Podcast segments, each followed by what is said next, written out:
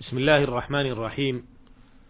الحمد لله رب العالمين وأصلي وأسلم على أشرف الأنبياء والمرسلين نبينا محمد وعلى آله وأصحابه أجمعين ومن تبعهم بإحسان إلى يوم الدين. أما بعد أيها الإخوة المستمعون السلام عليكم ورحمة الله وبركاته. تحدثنا في الحلقة السابقة عن حديث أبي هريرة رضي الله عنه أن رسول الله صلى الله عليه وسلم قال: إذا توضأ أحدكم فليجعل في أنفه ماء ثم لينتثر، ومن استجمر فليوتر، وإذا استيقظ أحدكم من نومه فليغسل يديه قبل أن يدخلهما في الإناء، فإن أحدكم لا يدري أين باتت يده، متفق عليه، وفي رواية لمسلم: فليستنشق بمنخريه الماء. وقد وقفنا في الحلقة السابقة عدة وقفات مع آداب قضاء الحاجة، واليوم في هذه الحلقة نكمل بقية الوقفات مع الحديث. الوقفة السادسة: اعلم أخي المستمع أنه يجب التنزه التنزه من البول والغائط، وكل نجس وكل نجس ملوث يخرج من السبيلين، وهذا التنزه إما بالماء أو الأحجار أو ما يقوم مقامها، ويسمى هذا التنزه الاستطابة، لأنها تطيب نفس الإنسان بإزالة الخبث، والأفضل في ذلك أن يجمع بين الحجر والماء، فقد روى ابن ماجه والدار قطني والبيهقي بإسناد صحيح عن جابر وأبي أيوب وأنس رضي الله عنهم أنهم قالوا نزلت هذه الآية فيه رجال يحبون أن يتطهروا. فقال رسول الله صلى الله عليه وسلم يا معشر الأنصار قد أثنى الله عليكم في الطهور فما طهوركم؟ قالوا نتوضأ للصلاة ونغتسل من الجنابة ونستنجي بالماء. فقال هو ذلك فعليكموه. وما وكما تجزئ الحجارة في الاستجمار فيجزئ ما كان قائما مقامها. وهو كل جامد طاهر مزيل للنجاسة غير مؤذن ليس له حرمة ولا يتعلق به حق للغير كالمناديل الورقية ونحوها.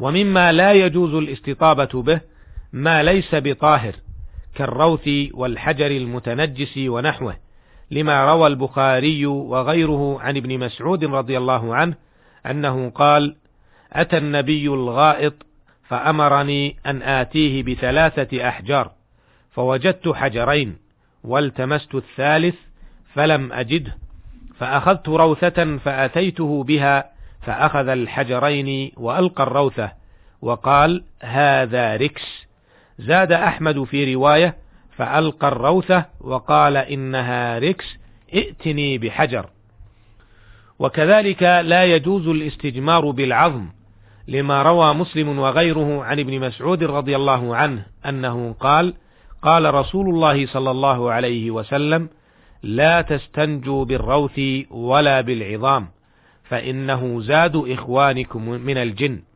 ويلحق بالعظام جميع المطعومات. كذلك لا يجوز الاستجمار بما لا ينقي المحل كالزجاج ونحوه لأنه لا يزيل النجاسة بل يبسطها. وكذلك لا يجوز الاستجمار بما له حرمة. ككتب كشيء كتب فيه كتابة محترمة كأمور الشرع ونحوها. أما المكتوب كتابة غير محترمة فيكره ولا يحرم. وكذلك لا يجوز الاستجمار بالمائعات الطاهرة لأنها ليست مطهرة وتنجس بملاقاة النجاسة. الوقفة السابعة. ذكر أهل العلم أنه يجب الاستنزاه من البول حتى يغلب على الظن أنه لم يبق في المحل شيء، لما روى الشيخان وغيرهما عن ابن عباس رضي الله عنهما أنه قال: مر النبي صلى الله عليه وسلم بقبرين فقال إنهما يعذبان وما يعذبان في كبير أما أحدهما فكان لا يستبرئ من البول وأما الآخر فكان يمشي بالنميمة. وفي رواية لمسلم لا يستنزه من البول. الوقفة الثامنة. قوله صلى الله عليه وسلم وإذا استيقظ أحدكم من نومه فليغسل يديه قبل أن يدخلهما في الإناء فإن أحدكم لا يدري أين باتت يده. قوله فإن أحدكم لا يدري هذا تعليل لغسل اليد بعد الاستيقاظ. وباتت يده ذكر العلماء أن حقيقة المبيت يكون من نوم الليل. وفي هذه الجملة عدة مسائل. المسألة الأولى يستفاد منها أن المستيقظ من نوم الليل لا يدخل كفيه في الإناء أو يمس بها شيئا رطبا حتى يغسلها ثلاث مرات. لأن نوم الليل غالبا يكون طويلا ويده تبطش في جسمه فلعلها تنال بعض المستقذرات وهو لا يعلم فشرع له غسلها للنظافة المشروعة. لكن اختلف أهل العلم رحمهم الله في النوم الذي يشرع بعده غسل اليد هل هو بعد كل نوم من ليل أو نهار أو هو بعد نوم الليل فقط. فذهب إلى القول الأول وهو غسل اليد قبل وضعها في الإناء ثلاثا بعد كل نوم. جمهور العلماء آخذين بعموم قوله صلى الله عليه وسلم إذا استيقظ أحدكم من نومه. وذهب إلى القول الثاني الإمام أحمد وداود الظاهري. إلى أن النوم المقصود به هنا هو نوم الليل فقط. مستدلين بقوله صلى الله عليه وسلم فإن أحدكم لا يدري أين باتت يده. فحقيقة البيتوتة لا تكون إلا من نوم الليل. ويؤيد ذلك ما رواه الإمام الترمذي وابن ماجه أنه قال إذا استيقظ أحدكم من نوم الليل وهذا القول هو الذي يترجح والله أعلم لأن الحكمة التي شرع من أجلها الغسل غير واضحة. وإنما يغلب عليها التعبدية فلا مجال لقياس النهار على الليل وإن طال فيه النوم لأنه على خلاف الغالب. والأحكام التي تتعلق بالأغلب. والأحكام تعلق بالأغلب وظاهر الأحاديث التخصيص. المسألة الثانية هل هذا الغسل واجب أو مستحب؟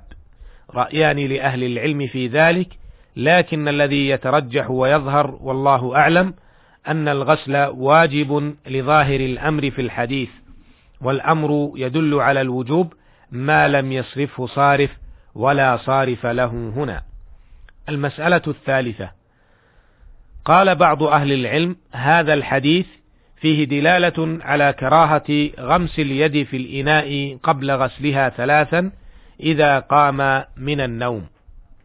المسألة الرابعة. قوله صلى الله عليه وسلم فإنه لا يدري أين باتت يده.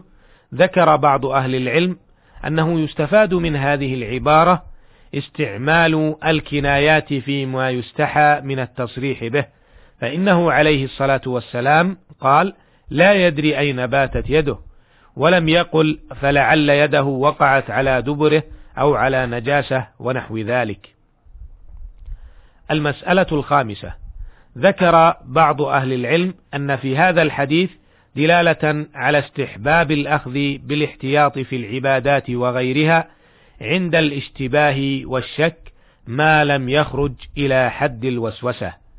أيها المستمعون الكرام، تفقهوا في دينكم واحتاطوا لعباداتكم لعل الله سبحانه وتعالى أن يثيبكم ويغفر لكم رزقنا الله ذلك إنه سميع مجيب وهو المستعان وإلى اللقاء في الحلقة القادمة إن شاء الله والسلام عليكم ورحمة الله وبركاته